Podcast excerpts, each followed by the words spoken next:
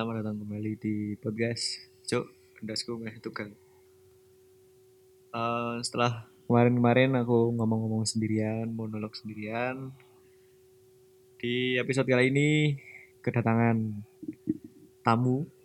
Jadi di sini aku mau berbincang-bincang, berdialog, eh, ngobrol-ngobrol soal permasalahan yang terjadi di lingkungan sekitar kita telah bersama saya Mas Jaber. Halo, selamat pagi, siang, dan malam.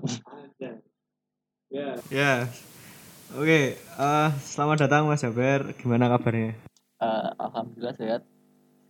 Eh, Gak ada kegiatan. Paling Emang emang sebelumnya ada kegiatan apa Mas? gak ada. Paling cuma persiapan menghadapi pasca corona ini. Kita kan nggak tahu. Mungkin akan ada kepunahan besar-besaran di ras manusia kan kita nggak tahu. Kebetulan saya lagi persiapan buat bunker, buat bertahan kalau semisalnya corona nggak bisa dihilangkan terus pemerintahan dunia memutuskan untuk melontarkan bom nuklir saya udah siap di bunker Eh, jadi menurut Mas Jaber ini apa ada kemungkinan coronavirus ini bakalan menjadi T-virus berikutnya?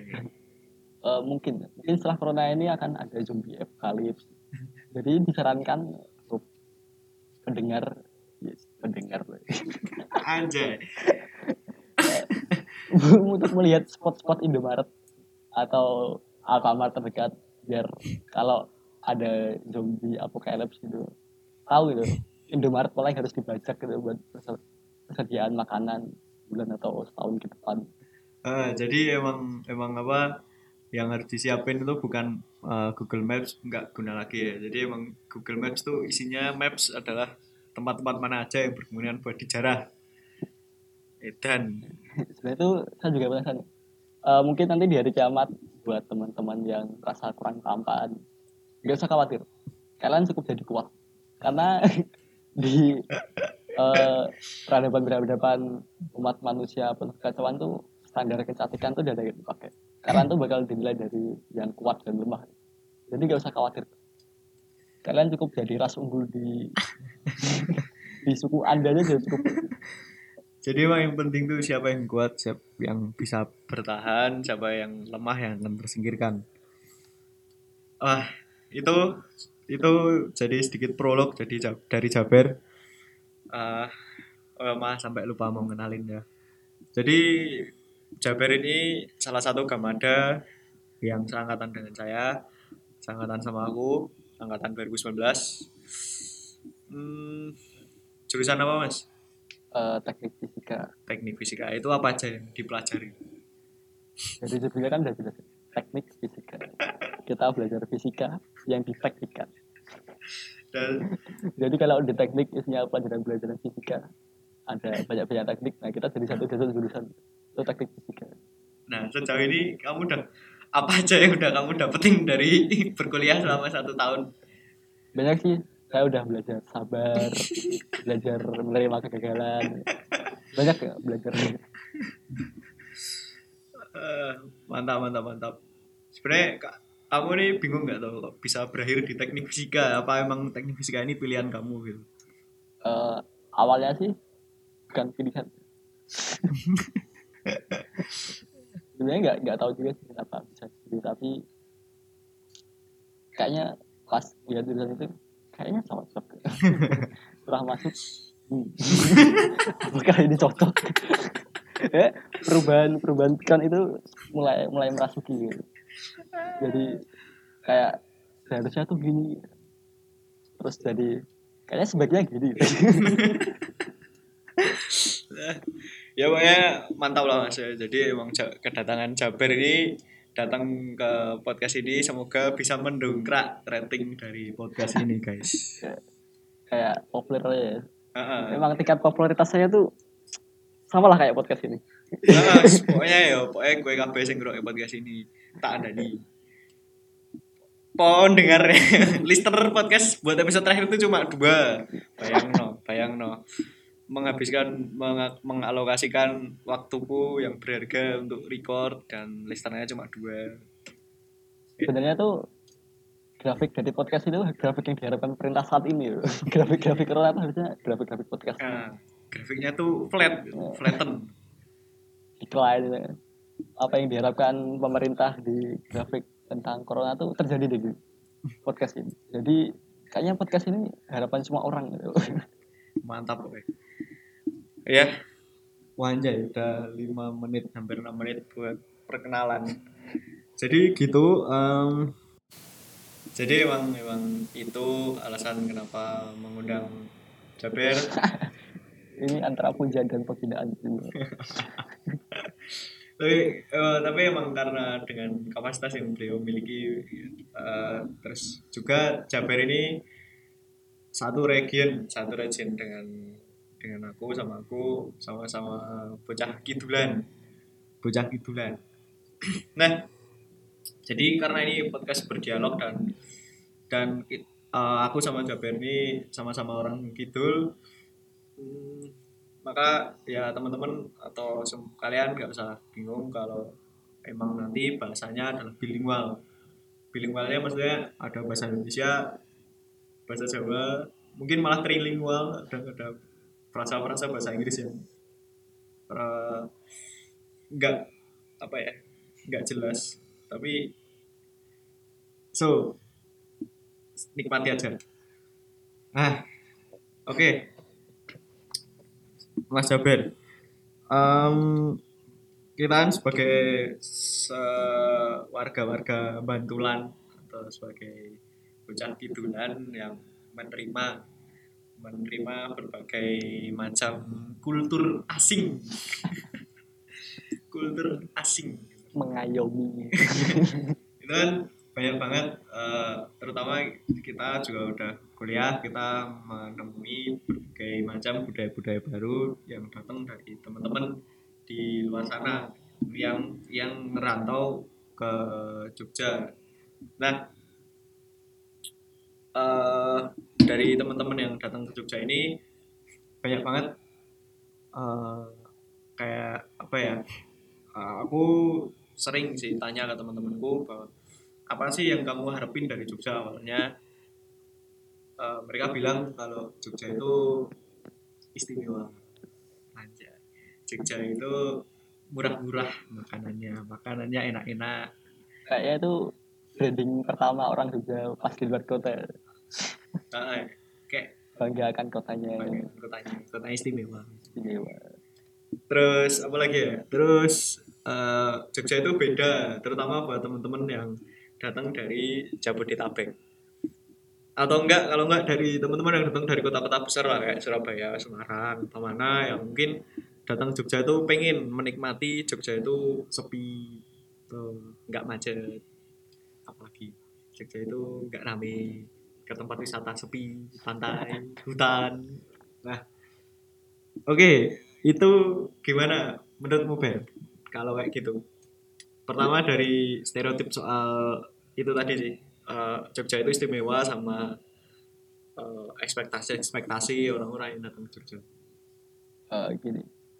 Jogja itu istimewa tuh ya kita tahu lah itu udah kayaknya dari Jogja berdiri itu udah branding yang ada sama kota Jogja keistimewaan Jogja.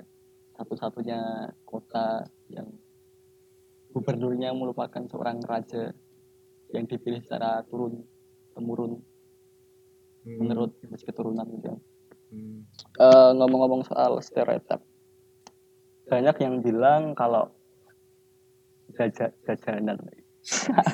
Jajanan apa, apa Ah, istilahnya jajanan. Jajanan. Jajanan di kota Jogja tuh murah-murah. Sebenarnya tuh bener di tempat dan waktu yang tepat.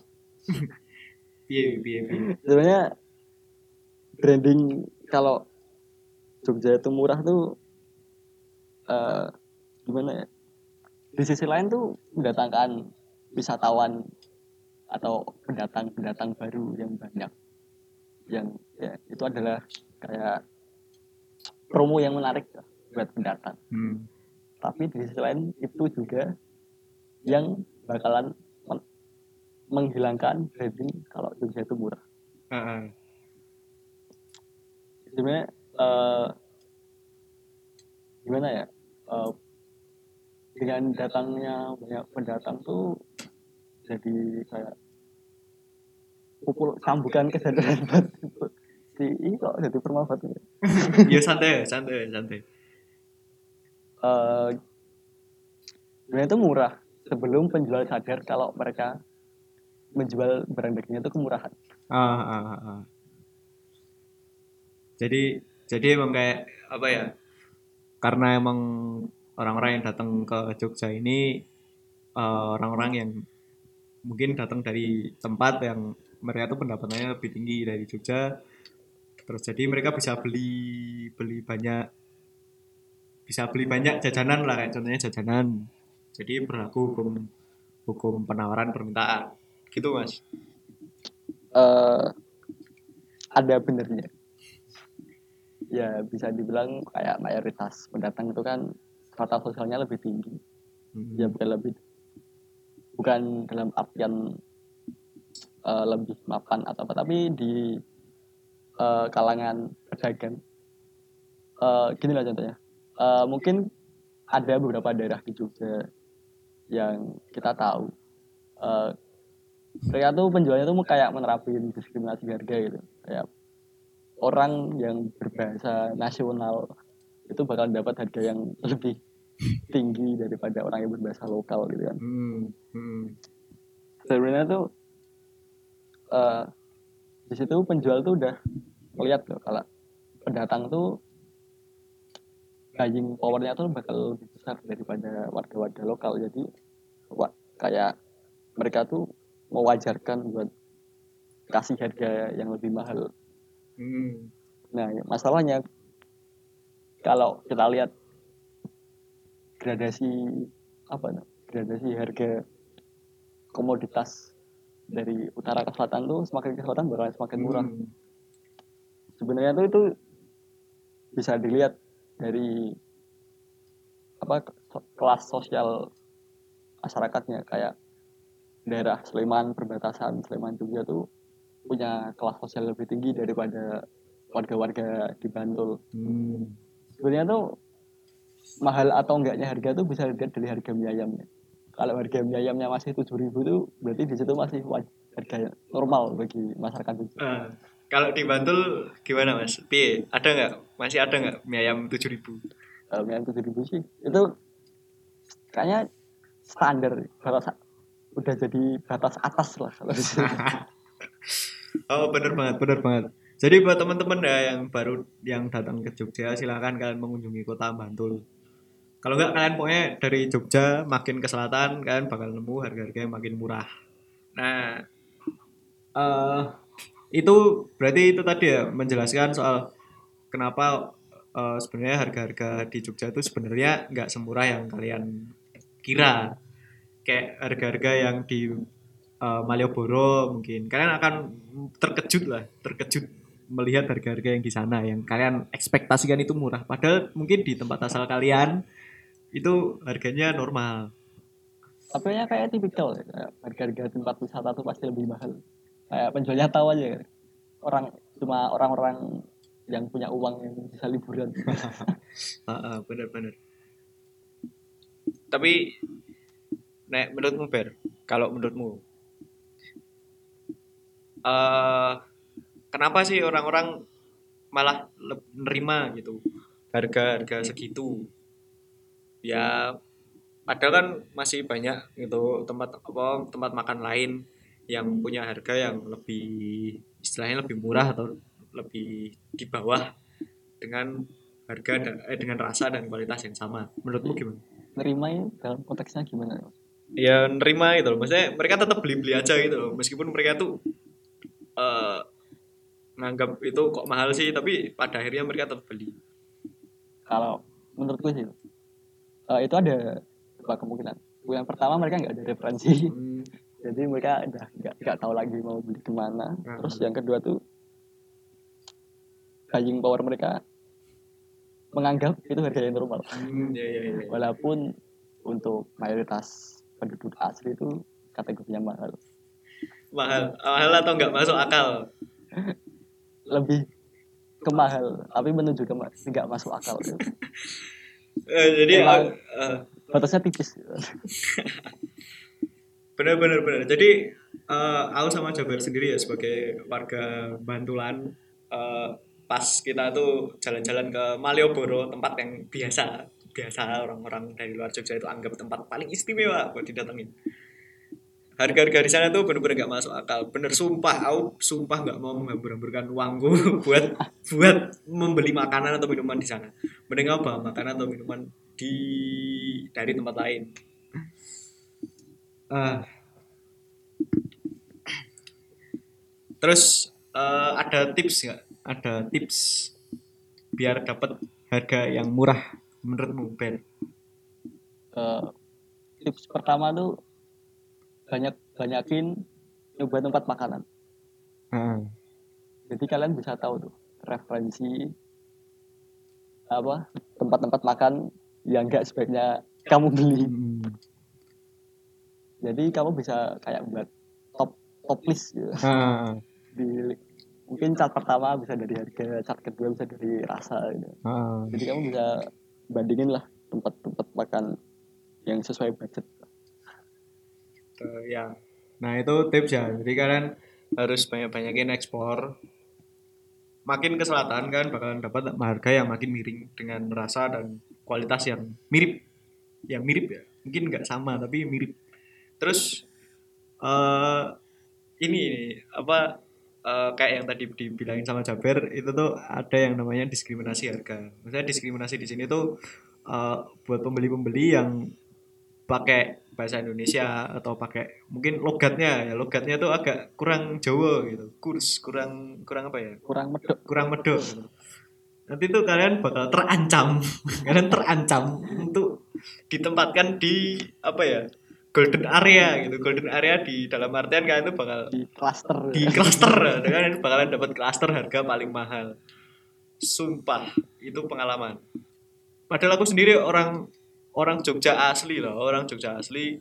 Dan karena emang apa ya secara naluri eh, secara insting aku beli makanan pakai bahasa Indonesia malah dapatnya itu harga mahal. Terus aku ketemu sama temanku temanku lain terus aku tanya di tempat yang sama dapat harga yang lebih murah ternyata temanku belinya pakai bahasa Jawa aku ada pengalaman menarik jadi waktu itu kan aku pernah ke mana itu namanya Eh, yang kompleks buat pemandian seluruh seluruhnya raja Eh, Taman Sari Taman Sari ya. Taman Sari. Taman Sari iseng beli es balok gitu.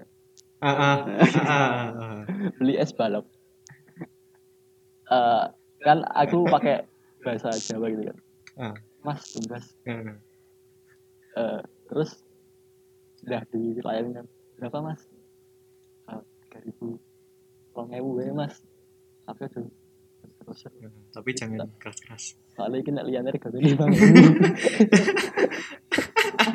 Bener banget. Jadi, jadi itu ya itu pengalaman pribadi aku sama Jaber datang ke, ke Taman Sari terus ada es es balok itu jadi kira-kira transaksinya gitu ya. Transaksinya pas mau beli dikasih harga 3000 soalnya Jaber bilang ke masnya itu pakai bahasa Jawa dan masnya bilang apa? Diam-diam aja ya menang-menang baik soalnya apa? Soalnya nek wong liya tak naik lima soalnya kalau orang lain aku, eh, aku kasih harga lima ribu. Itu nyata. Itu tuh real. Kejadian real. Jadi emang apa ya kalian datang ke sini tuh harus siap-siap buat kalian beradaptasi dengan apa ya budaya-budaya kayak gini lah. Belajar bahasa Jawa dari perdagangan. Perdagangan. Kayak itu bahasa bahasa lokal tuh bukan cuma bahasa persatuan ya bahasa dagang. Bahasa dagang. Nah, emang kayak itu ya apa, alasan kenapa bangsa Indonesia ini tuh gampang ditaklukkan takutkan aja budaya ditaklukkan budayanya lewat bahasa dan budaya. Nah, itu ya jadi eh, buat teman-teman yang berekspektasi berekspektasi untuk mendapatkan harga-harga yang murah, kalian harus benar-benar explore banget. DIY ini iya, luas luas apa enggak menurutmu Ber? kayaknya Jogja tuh kayak menurutku ya menurutku yang 18 tahun hidup di Jogja Nah, Jogja tuh ya gitu-gitu aja kalau kalian udah banyak ekspor kalian bakal lebih tahu dari seluk beluknya kota ini hmm. Nah, eh, masih soal harga ya. Ini kan eh, aku sama Jabir kan juga dari kota sel- selatan di kota Bantul. Jabir sendiri eh, lebih dekat ke kota Bantulnya, alias lebih ke selatan dari rumahku. Eh, kalau bahasa Indonesia itu lebih pelosok Ah, yes, kui lah, lebih pelosok. Anjay, aku nggak bilang loh. Eh, Tapi emang ya, dan pengalamanmu, Ber, pengalamanmu, em, kamu hidup di lingkungan pelosok kayak gini, harga-harga yang kamu dapetin dibandingkan harga-harga yang kamu dapetin di lor sana, di utara sana, di pusat kota, pusat peradaban sana. Kalau harga sih lumayan kerasa ya. Eh selama deh di sini tuh kalian masih bisa nemuin es teh harganya seribu. Di Jogja atau mungkin di Sleman sana standar harga es teh tuh udah 2000 mungkin di beberapa tempat udah 2500 sampai 3.000, 3000 Mas. gitu ya. Babar, babar sari 3000 yang kalau buat es teh yang kerasa cuma gulanya komposisi 50% gula 30% air 20% teh gitu. Ah, yang mungkin kalau oh kalau di sini tuh es teh sama es jeruk harganya masih sama ah. kalau di sana kan dibedain ya es teh eh, apa es jeruk lebih mahal Hmm. walaupun yang kayak rasanya air sama gula gitu kan Hmm. yang jelas itu kerasa banget Eh, mungkin mungkin itu ngaruh sama faktor eh, kelas sosial perbedaan kelas sosial di sini sama kota Hmm.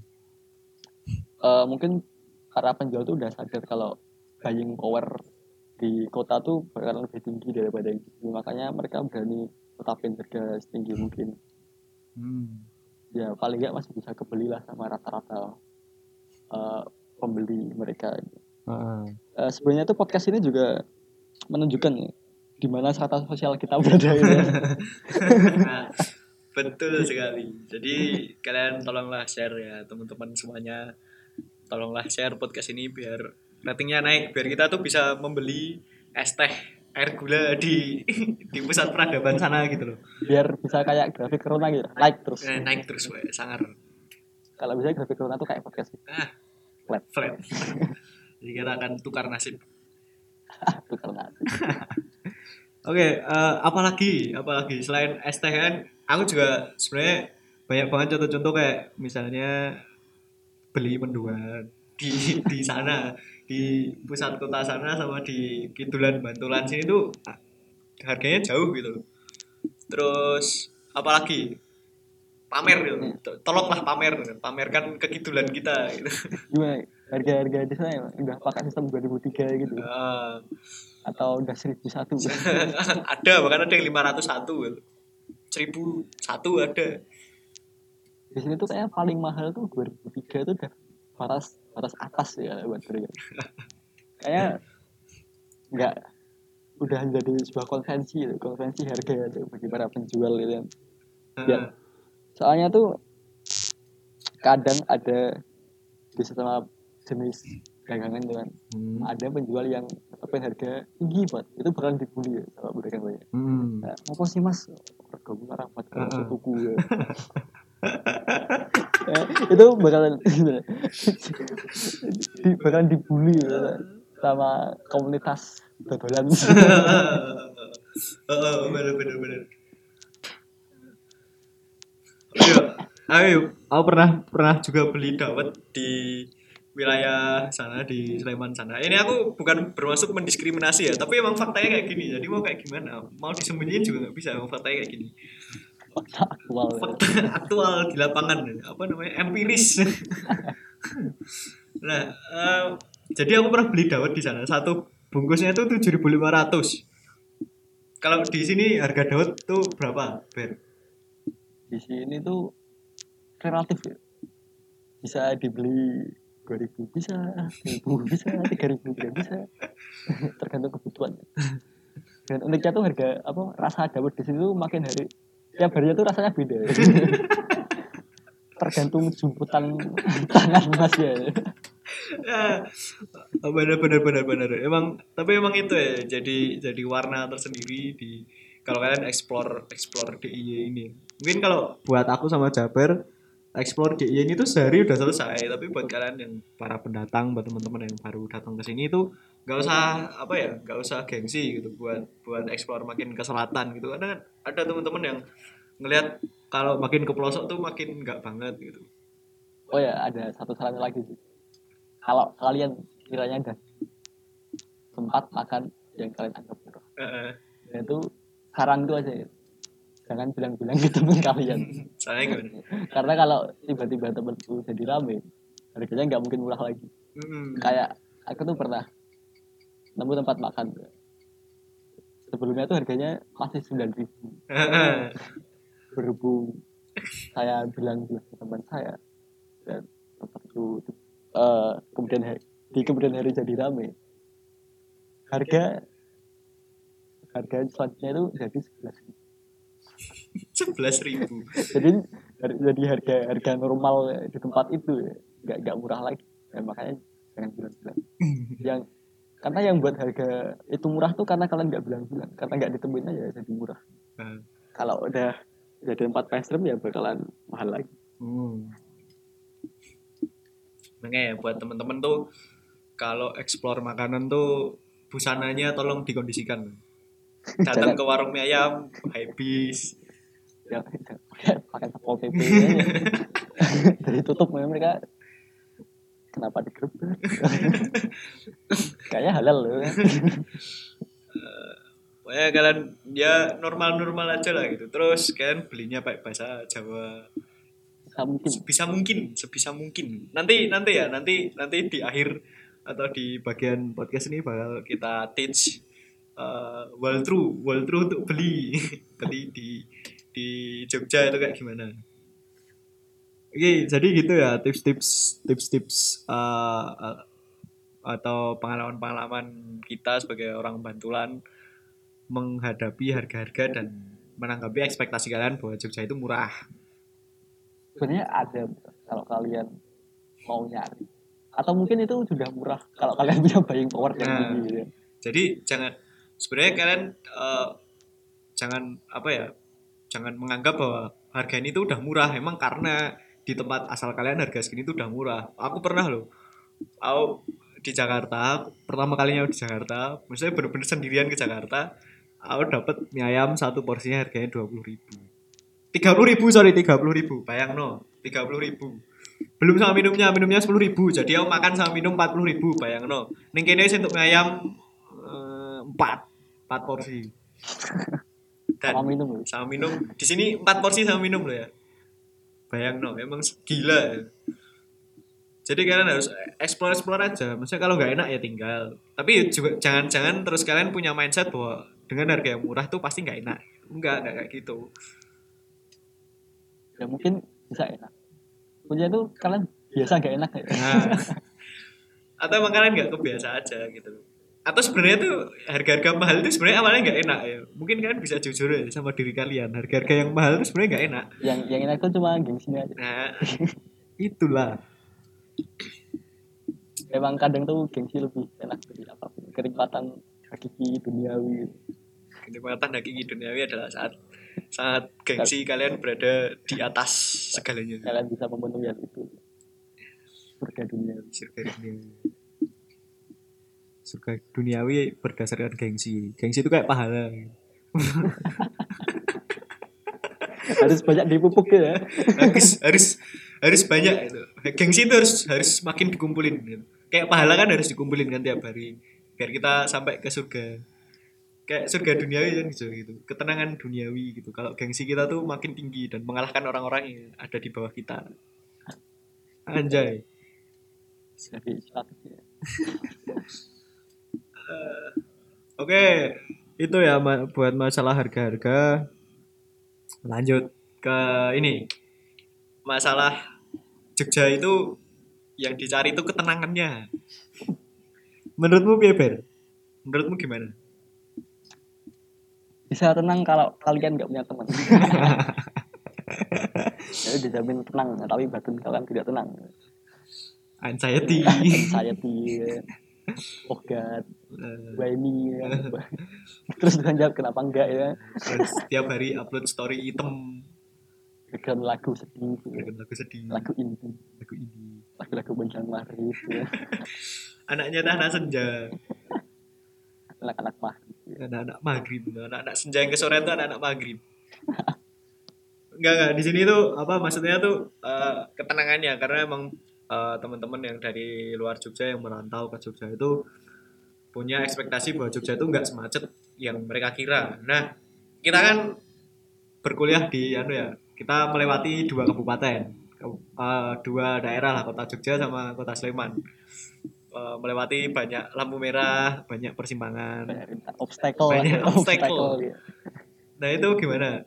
Menurutmu Ber, ap- apakah emang bener itu ekspektasi mereka? bisa nggak macet kalau kalian nggak kuliah di Sleman Heeh.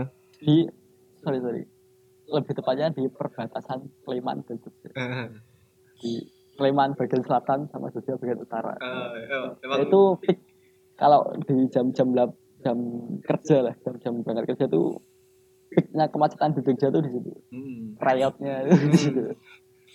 Pokoknya kalau ada dua dua hal kalian bisa nemuin aslinya manusia. Yang pertama saat dia sedih. Yang kedua tuh saat dia berada di kemacetan. Eh, Nah, itu? sifat aslinya bakalan muncul. Di apa ya kalau pas pas pagi hari, terutama pagi hari. Di kemacetan tuh kalian bakalan nemuin banyak banyak ninja yang yang tak kenal takutnya. Nalit nalit bis kota yang lewat nalitnya tuh kayak nggak nggak kenal ya. kayak dia tuh rasa punya sembilan nyawa gitu.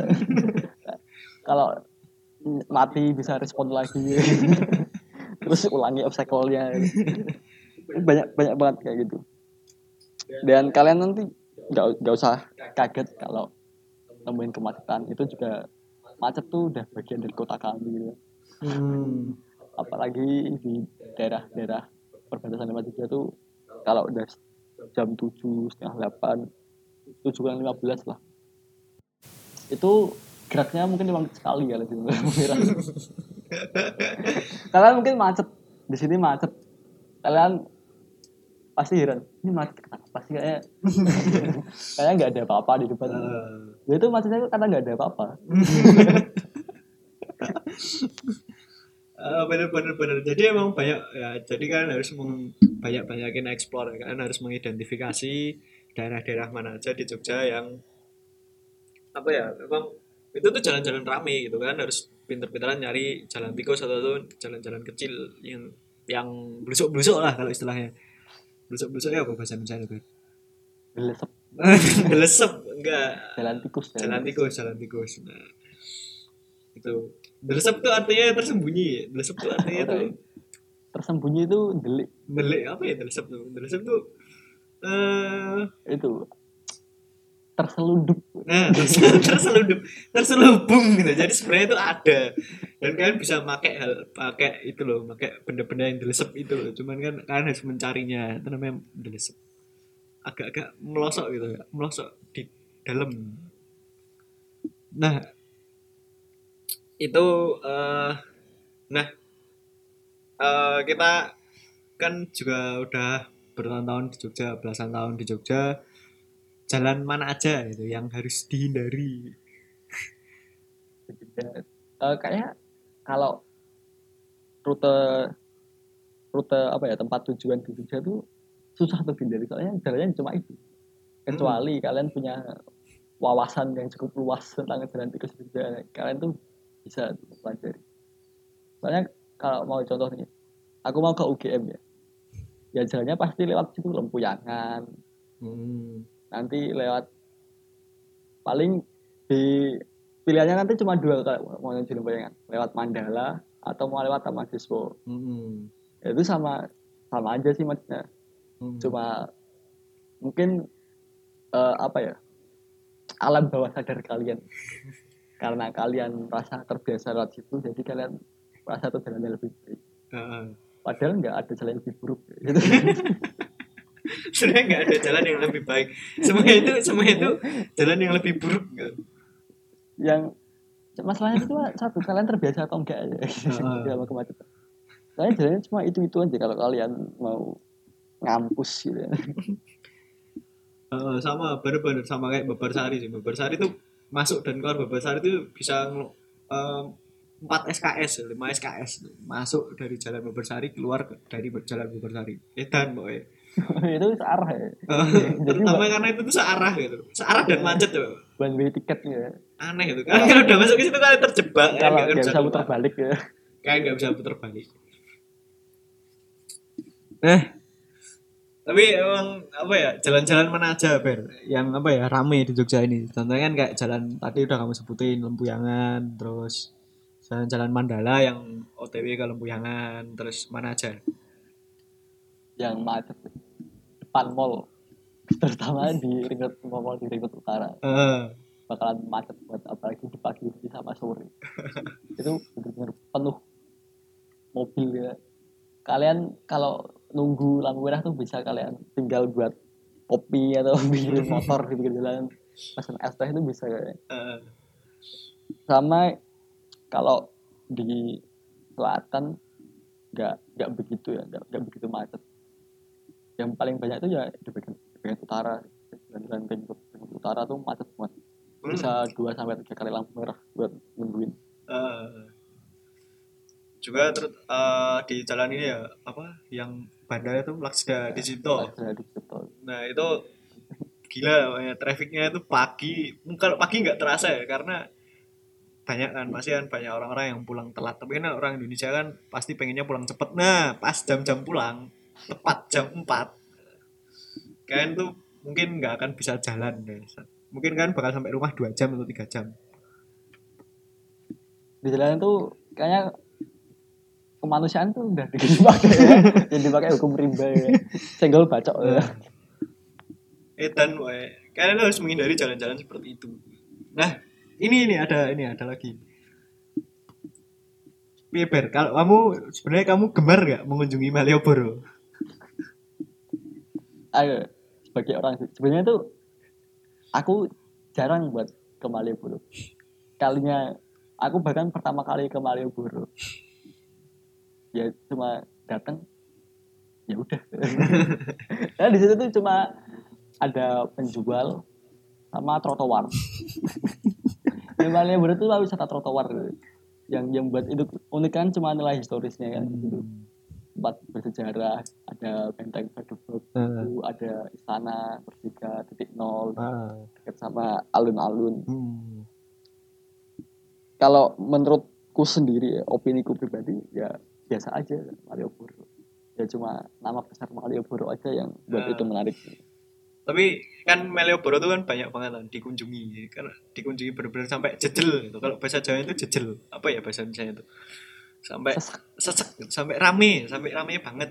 Sampai bener-bener kalian tuh kalau kalau lebaran tuh salah satu alasan kenapa banyak ruas jalan di situ karena Malioboro ah, ah, ah.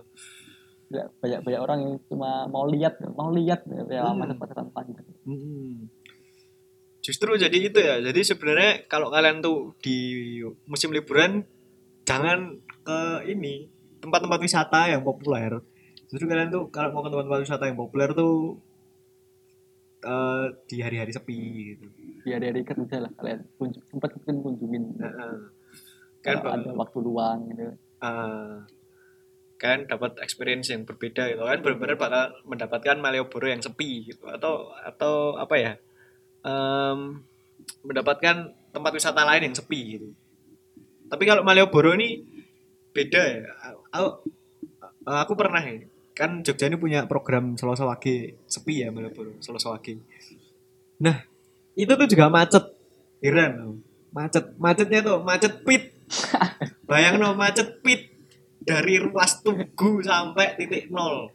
Itu kayak saking macetnya sepedanya udah dekat sepeda. Diangkat. Diangkat ada yang diangkat Sama ada jalan kaki, ya. mending jalan kaki daripada bawa sepeda. Aneh gitu Kayak aneh. niat olahraganya itu ya, bukan bersepeda tapi angkat berat. sama jalan kaki. Aneh. Pokoknya ini ya tips kalian liburan di Jogja biar nggak dapet macet dan jejel ya pokoknya kalian datang ke Jogja itu uh, atau liburan itu ke tempat wisata di hari-hari weekdays di hari-hari sepi pasti kan dapat sepi nah mungkin habis podcast ini meluncur terus didengerin sama orang-orang terus hari-hari weekdays terus jadi rame Kayak kayaknya tuh plat, apa platform-platform sosial media membuat hal-hal yang nggak biasa jadi biasa. gitu. Jadi kalian kalau mau upload ya kalian meskipun kalian fotonya itu weekdays kan uploadnya tuh malam minggu gitu biar tetap weekdays itu tetap sepi. Kayak itu tempat wisata yang di mana tuh? Yang di Malang atau mana? Nganu, Yang yang apa feeling good lah kasut. Feeling di kasut yang besoknya langsung penuh Heeh. yang nggak feeling good lagi ini. Heeh, nggak feeling good lagi. Ya sama kayak harga tadi. Nggak usah bilang-bilang kalau bisa. Nikmati aja buat kamu sendiri. Gak apa egois tuh. Mhm. Nggak apa-apa, ya ajak lah dua atau tiga dua orang atau tiga orang nggak apa-apa. Tapi kalau ngajak ngajak satu batalion, satu peton, Aku serdadu. itu jangan soalnya nanti harganya bakal naik percaya lah coba lah jangan deh jangan coba Ah, itu ya jadi tips buat kalian yang mau berwisata di Jogja jujur jujur banget aku sebagai orang Jogja malah justru malah males banget kalau eh, liburan tuh di hari-hari biasa. Maksudnya di hari-hari yang liburan gitu. Kayak musim liburan tuh malah males mau keluar-keluar. Soalnya rame di mana-mana rame. Dan malah milih buat liburan tuh apa di hari-hari yang eh, yang kira-kira orang-orang tuh nggak liburan. Yang yang pertama tuh males. Yang kedua nggak ada yang ngajak. nah bener banget. Bener banget. That's the point bro Makanya buat pendengar yang sekiranya mau liburan bisa hubungi. Sekalian kontak ya Bom War di segala sini sosial media username-nya sama. di hotline kita punya hotline. Hotline-nya at Bom War pokoknya semuanya kalian DM semua akunku nggak ada yang private pokoknya kalian DM aja langsung mas. Mas. Apa mas. Slow yuk. Gas bisa ndeleni gas kurang lek. Upload. Sedih so sad so sad so sad. Sedih ya kadang itu pengen ke mana-mana tapi nggak ada yang ngajakin. Sedih banget. Aku malah jadi curhat. Pas ada yang ngajakin nggak ada uang. Nggak ada uang. Itu pakai nolak gitu. Hmm. Bingung ya kan gimana gitu? Kok malah jadi curhat? Untung sekarang corona ya Ah, nggak ada buat iri ya. ah, ah. jadi kan di rumah gitu. Jadi ter- terasa gitu. Terasa kegiatanku di rumah tuh apa ya jadi ditiru oleh orang-orang lain gitu. Senang. Jadi kita nggak perlu adaptasi, adaptasi lama-lama gitu. Ya, Heeh. karena ini kesedihan kami gitu. Rumah. kami sebagai orang-orang no lab di rumah. Kita tuh keluar cuma main PS asli. Main PS 4 jam 5 jam 10 jam PS itu soalnya esensial produk ya jadi nggak ngaruh. Itu gak, gak akan ngaruh. Esensial goods ya pokoknya kebutuhan primer. Kebutuhan primer buat main PS oke itu ya. Jadi eh, tips-tips berwisata di DIY jadi kalian jangan berwisata di hari-hari yang memang sekiranya itu hari-hari banyak orang-orang liburan. Sempet-sempetin lah kalian tuh eh, kelar kuliah pulang sekolah kalian langsung gas ke mana gitu. Kayak misalnya kalian kelar kuliah jam 4 kalian istirahat sholat ngasar kalian kok nge-PC sih? Apa ngobrol sama teman kalian? Ngobrol sama teman kalian terus ayo. Ayo. Ayo ayo ayo. Ayo ayo. Eh, kita tuh punya temen dulu pas SMA ya. Eh, dia tuh orangnya apa ya semangat ya semangat. Antusias entusiastik ya. Hmm. hyper antusias dalam hal apa pun ya enggak apa pun sih. Dalam hal namanya game Free Fire. Tapi entah mengapa tuh walaupun antusias itu gitu kita tuh kayak mengacuhkan antusiasme dia loh. Masa masalahnya dia tuh terlalu antusias loh. Bayangin tuh dia tuh malah jadi cringe. Terlalu antusias. Dikit-dikit ayo, dikit-dikit ayo. Dan apa ya, feedback dari kita karena antusias dia tuh kadang kita malah nggak mau main dia padahal dia yang ngajak kadang kalau kita sama ka- kalau mau main yang diem diem orangnya ada kok enggak takut takut diajak gitu Jadi kayak monster loh, kayak monster yang ada di hush gitu, di silent apa di quiet place gitu. Sensitif terhadap, terhadap Suara. suara. kalau kalian gerakin meja ayo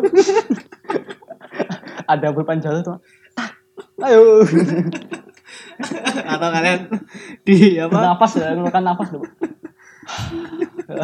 ayo Wah, begitu denger tem musik tem gamenya ya. Nah, itu langsung orangnya itu datang out of nowhere gitu. Datang dari dari dari, segala dalam, dari dalam loker pak cek ayo Ah, parah parah parah parah parah. ya itu intermezzo intermezzo Intermezzo intermezzo. Ya pokoknya kalian kalau mau ngajak aku silakan DM. Ayo Mas, slow. nanti ada slow. aku juga biasanya kalian nggak tahu kan ada aku gimana aku ganteng kok Pokoknya kalian DM aja di semua sosial media at Bomsiwor.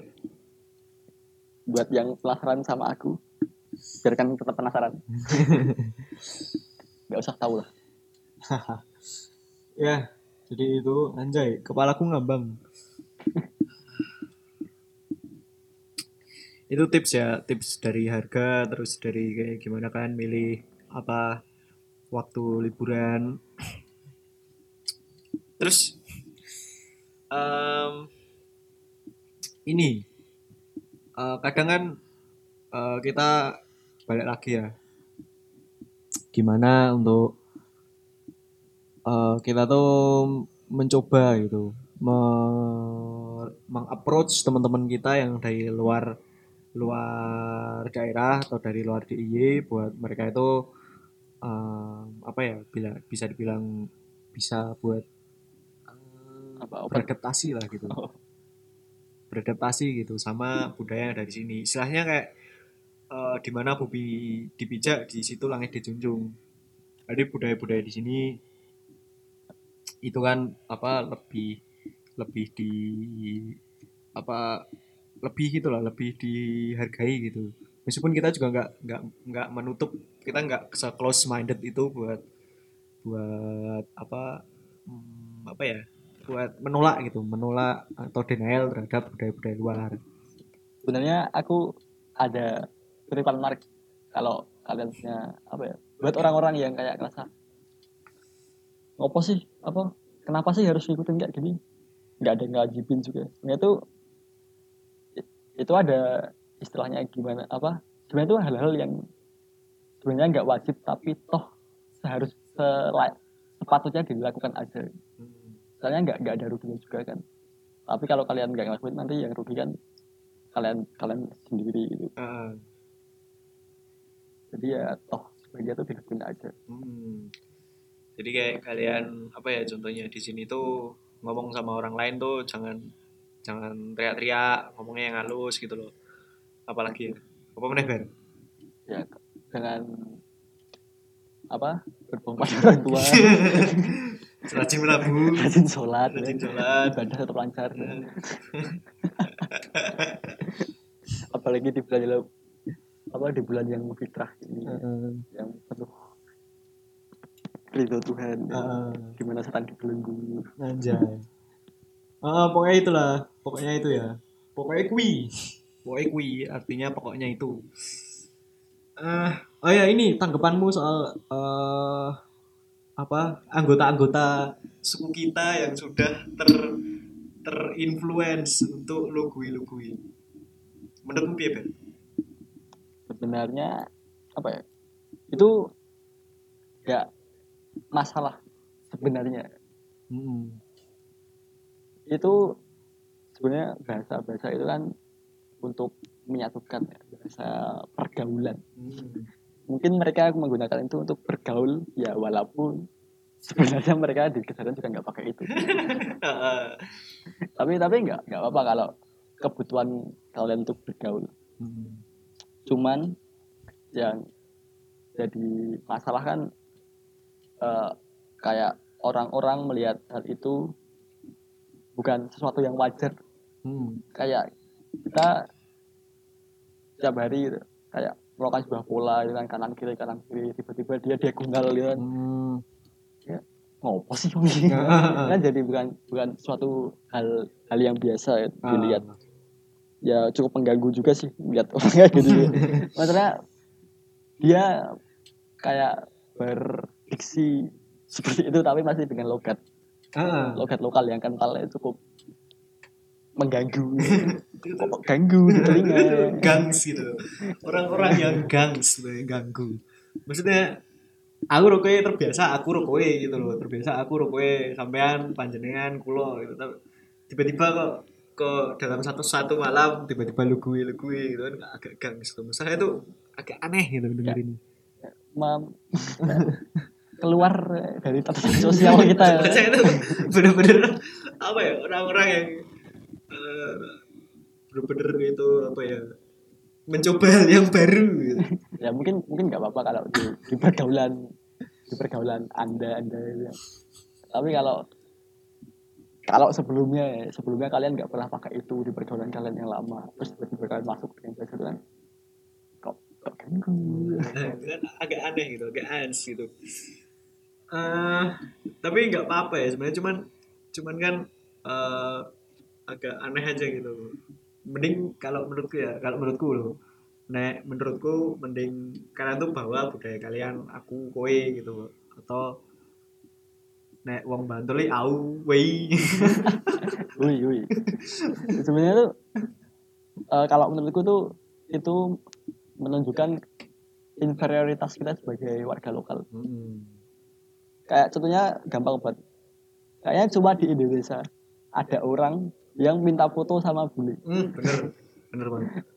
Pad- padahal kayak di luar negeri kan, di Nauru atau apa di nih luar negeri nggak nggak ada lihat orang asing masuk terus tiba-tiba dianggap sesuatu yang spesial gitu.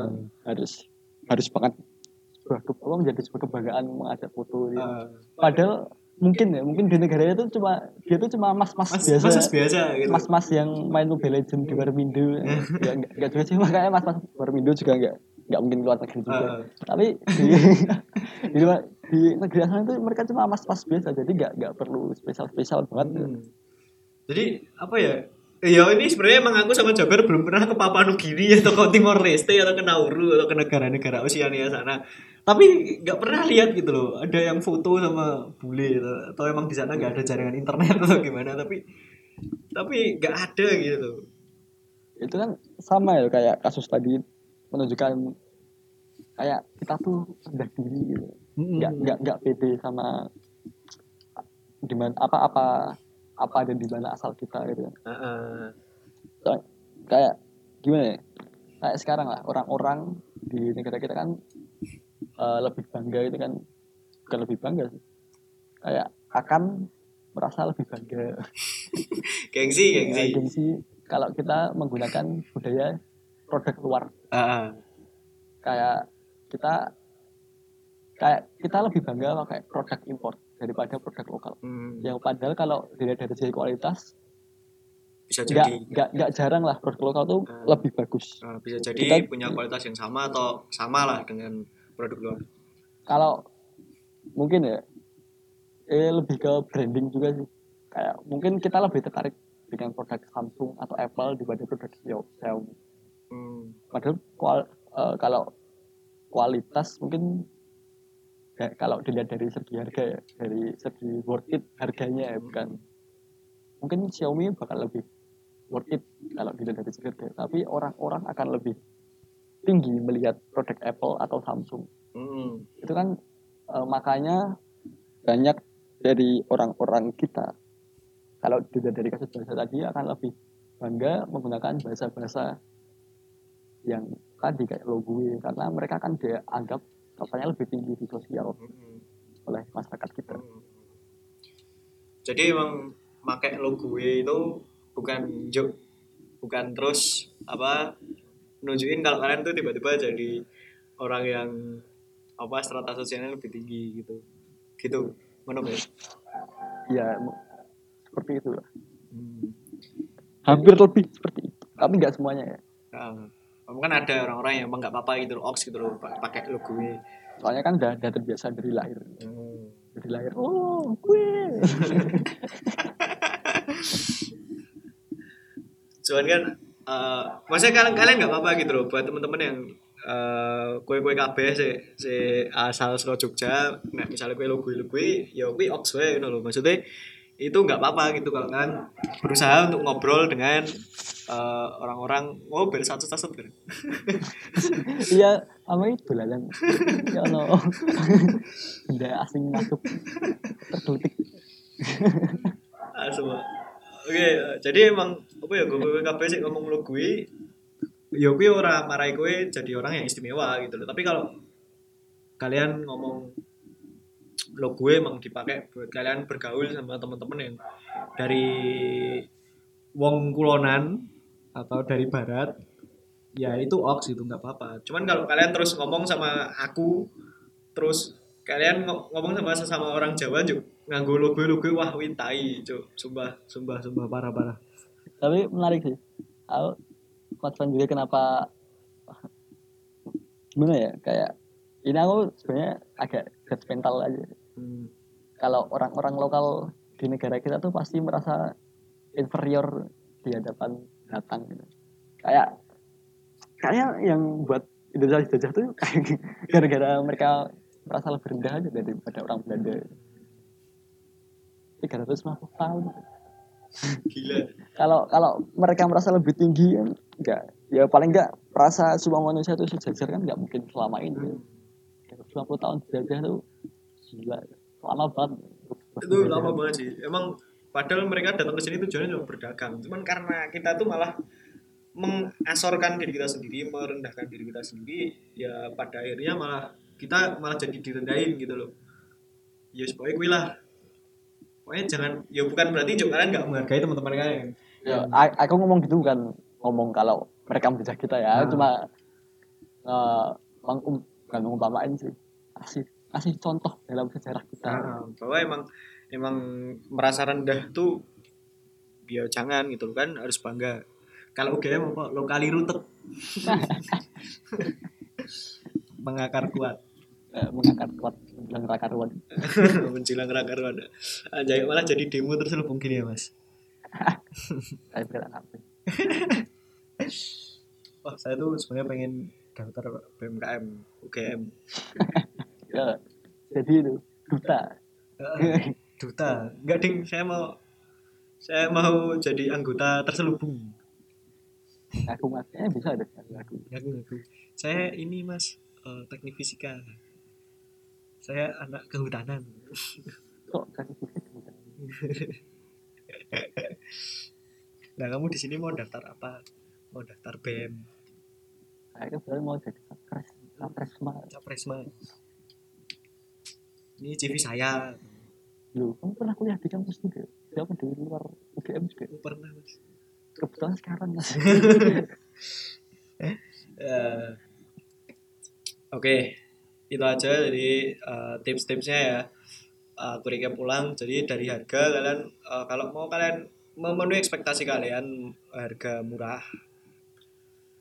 Untuk mendapatkan harga murah tuh kalian harus benar-benar rajin-rajin ekspor. Rajin-rajin ekspor ke seluruh DIY ini. Jangan anggap harga murah tuh kualitas murahan ya, bukan kayak gitu. Bener-bener eh, banyak di DIY ini harga murah dengan kualitas yang benar-benar mantap lah pokoknya jangan kalian tunjuk merendahkan gitu merendahkan. Anjay. Enggak enggak enggak. Maksudnya jangan terus kalian tuh mengunderestimate ah podo nih.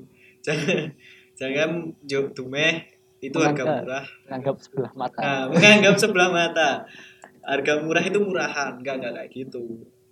Terus eh, kalau kalian juga mau liburan usahakan kan malah jangan mengambil musim liburan kan. Kalau bisa malah kalian itu tuh liburan di hari-hari yang em, bisa dibilang eh, hari-hari yang sepi gitu buat orang liburan.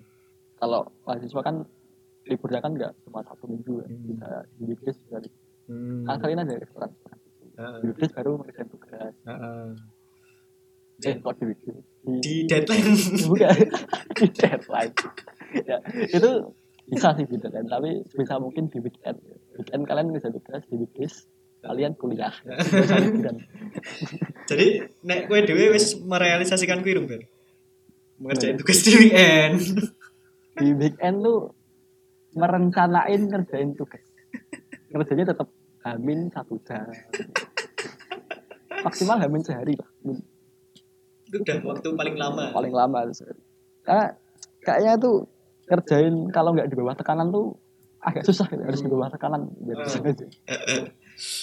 Eh, mantap edan boy. Emang kayak gitu ya mahasiswa oke eh, mas eh, buat liburan itu tadi kalian cari weekdays atau hari-hari yang memang sekiranya nggak itu orang-orang nggak liburan terus yang kedua buat masalah eh yang ketiga eh, masalah eh, itu ya teman-teman atau PWKB sih nganggo logo logo teman-teman kamu-kamu semua yang pakai logo tapi penempatannya tuh nggak bener gitu dan pakai logo itu bukan berarti membuat kalian tuh jadi hype gitu loh jadi tiba-tiba jadi bocah hype eh, yang yang keren gitu. Logo itu nggak keren sebenarnya di Jakarta di Jabodetabek di Wong Kulonan sana tuh ya logo itu orang biasa kayak orang Jawa Barat tuh aing sia aing sia gitu loh.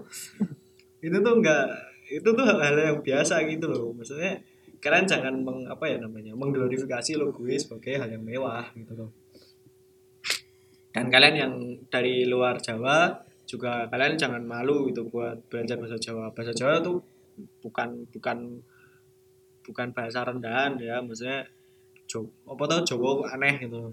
Enggak bukan kayak gitu. Bu- bukan berarti cuma nek dumeh dumeh dumeh nek Jawa itu terus deso gitu enggak enggak kayak gitu. Em, Oke. Jadi itu recapnya. Terus sekarang em, aku mau share ya, share tips berbelanja. tips berdagang. Ya Ben. Berdagang. berniaga Berniaga di Jogja biar kalian tuh mendapatkan harga-harga yang murah gitu. Eh, konsep-konsep dasarnya itu apa Ben? Apa yang harus dipelajari itu? Dasar-dasarnya untuk berniaga. Pertama kalian harus paham ekonomi mikro. Paling simpel tuh demand and supply. Sama kalian harus tahu buying power target Eh. pasar kalian. Hmm. jadi kalian jangan jangan jangan jangan terbiasa untuk membeli hal dalam jumlah banyak. Soalnya kalau kalian itu nanti dianggap kalian tuh orang yang mampu beli gitu beli itu yang satu-satu seribu dua ribu. Ngecer. Ngecer ngecer. Kalau uang kulonan apa ya? Ngeteng ngeteng. Oke kalau dari segi bahasa itu konsep-konsep yang harus kalian pahami adalah eh, menghitung. Karena konsep menghitung. Satu siji dua luru. Ya sama kalian harus paham kata-kata kasar dulu ah. itu penting loh biar kalian gak ditipu Ah. Nah, nanti itu uh, next next next bincang-bincang akan kita bahas satu seri isinya full kata-kata kasar. kayak menarik ya bahas kata-kata kasar Biar kata kasar. Menarik menarik. Oke, eh, jadi siji, loro, telu, papat, limo itu satu dua tiga empat lima. Apa mana ya? Wong kene sok tuku punjel sekali lima atau ber? tahu Sepuluh. bener pak pak pak Sepak ya. Sepak itu berapa satu ya? pak satu, satu pak sekitar 12 atau 10 lah 12 pieces Uh, nah jadi eh, dasar-dasar berniaga kan menghitung menghitung siji loro telu empat lima kalau bahasa kerama kerama alus krama. Kromo anjing. Tunggal kali tiga kawan dasar jadi satu dua tiga empat lima. Terus kalau kalian belinya sama mas-mas atau mbak-mbak itu nggak apa-apa kalian ngomong siji loro telu papat lima. Tapi kalau kalian belinya sama orang yang udah sepuh orang yang udah tua itu tadi setunggal kali tiga sekawan gangsal buat yang seterusnya itu enam pintu bolu sama sepuluh. Sedoso, sedoso. nah kalau bahasa kromonya bahasa halusnya yang buat ngomong sama orang tua sedoso terus apalagi ya? Oh ini sih mungkin kalau sisanya sama sih. Sebelas sebelas Ya kalian nggak mungkin juga kan beli sebelas pieces. tuh enggak cuman ini eh, dasar-dasar lain adalah uang. Kalau di di budaya luar DIY kan biasanya apa eh, gocap goceng. Kupek. gopek. Jujur ngerti ra ber kamu nih dong ya? Pernah. Pernah paham. oh sumpah ra dong banget asli nggak paham. Jadi kalau di sini itu sewu rong ewu se- sepuluh yang beda tuh eh, mungkin eh, 50 50 seket seket ewu emang ora 50 terus 60 suida suida ewu. 60 ribu. Terus 25 25 eh, selawe. selawe selawe ewu. Bukan rong puluh limo opo limo likur? Enggak enggak banget. Oh ya kalau yang 20 ke atas tuh likur ya, selikur, rolikur, telu likur, empat likur dan seterusnya. Terus kalau yang las-lasan 11 11 itu 11 12 rolas, telulas, 14, 15 dan seterusnya. Nah, sekarang nih aku kasih contoh buat Tutorial. tutorial, tutorial Tutorial. untuk berniaga. Nah sekiranya itu eh, aku datang terus nanti beli eh, nanya harganya berapa terus gimana eh, apa namanya kalian berterima kasih terus kalian nanggepin tukangnya atau bakulnya itu kayak gimana. Berarti aku jadi banyak Nah nanti si Jaber ini bakal jadi pedagangnya. Ini kita ambil contoh eh, aku mau beli mie ayam. Oke, contoh ya. Mas, tumbas.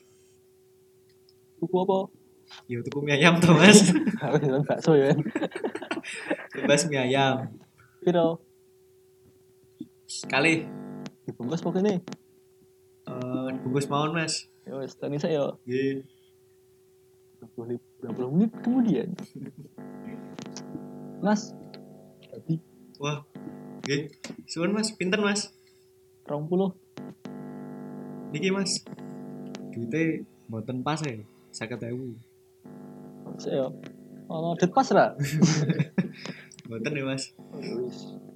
Tak kulit dulu saya. Nggih. Wis. Nggih. Suwun, Mas. Di Tati. Yuh.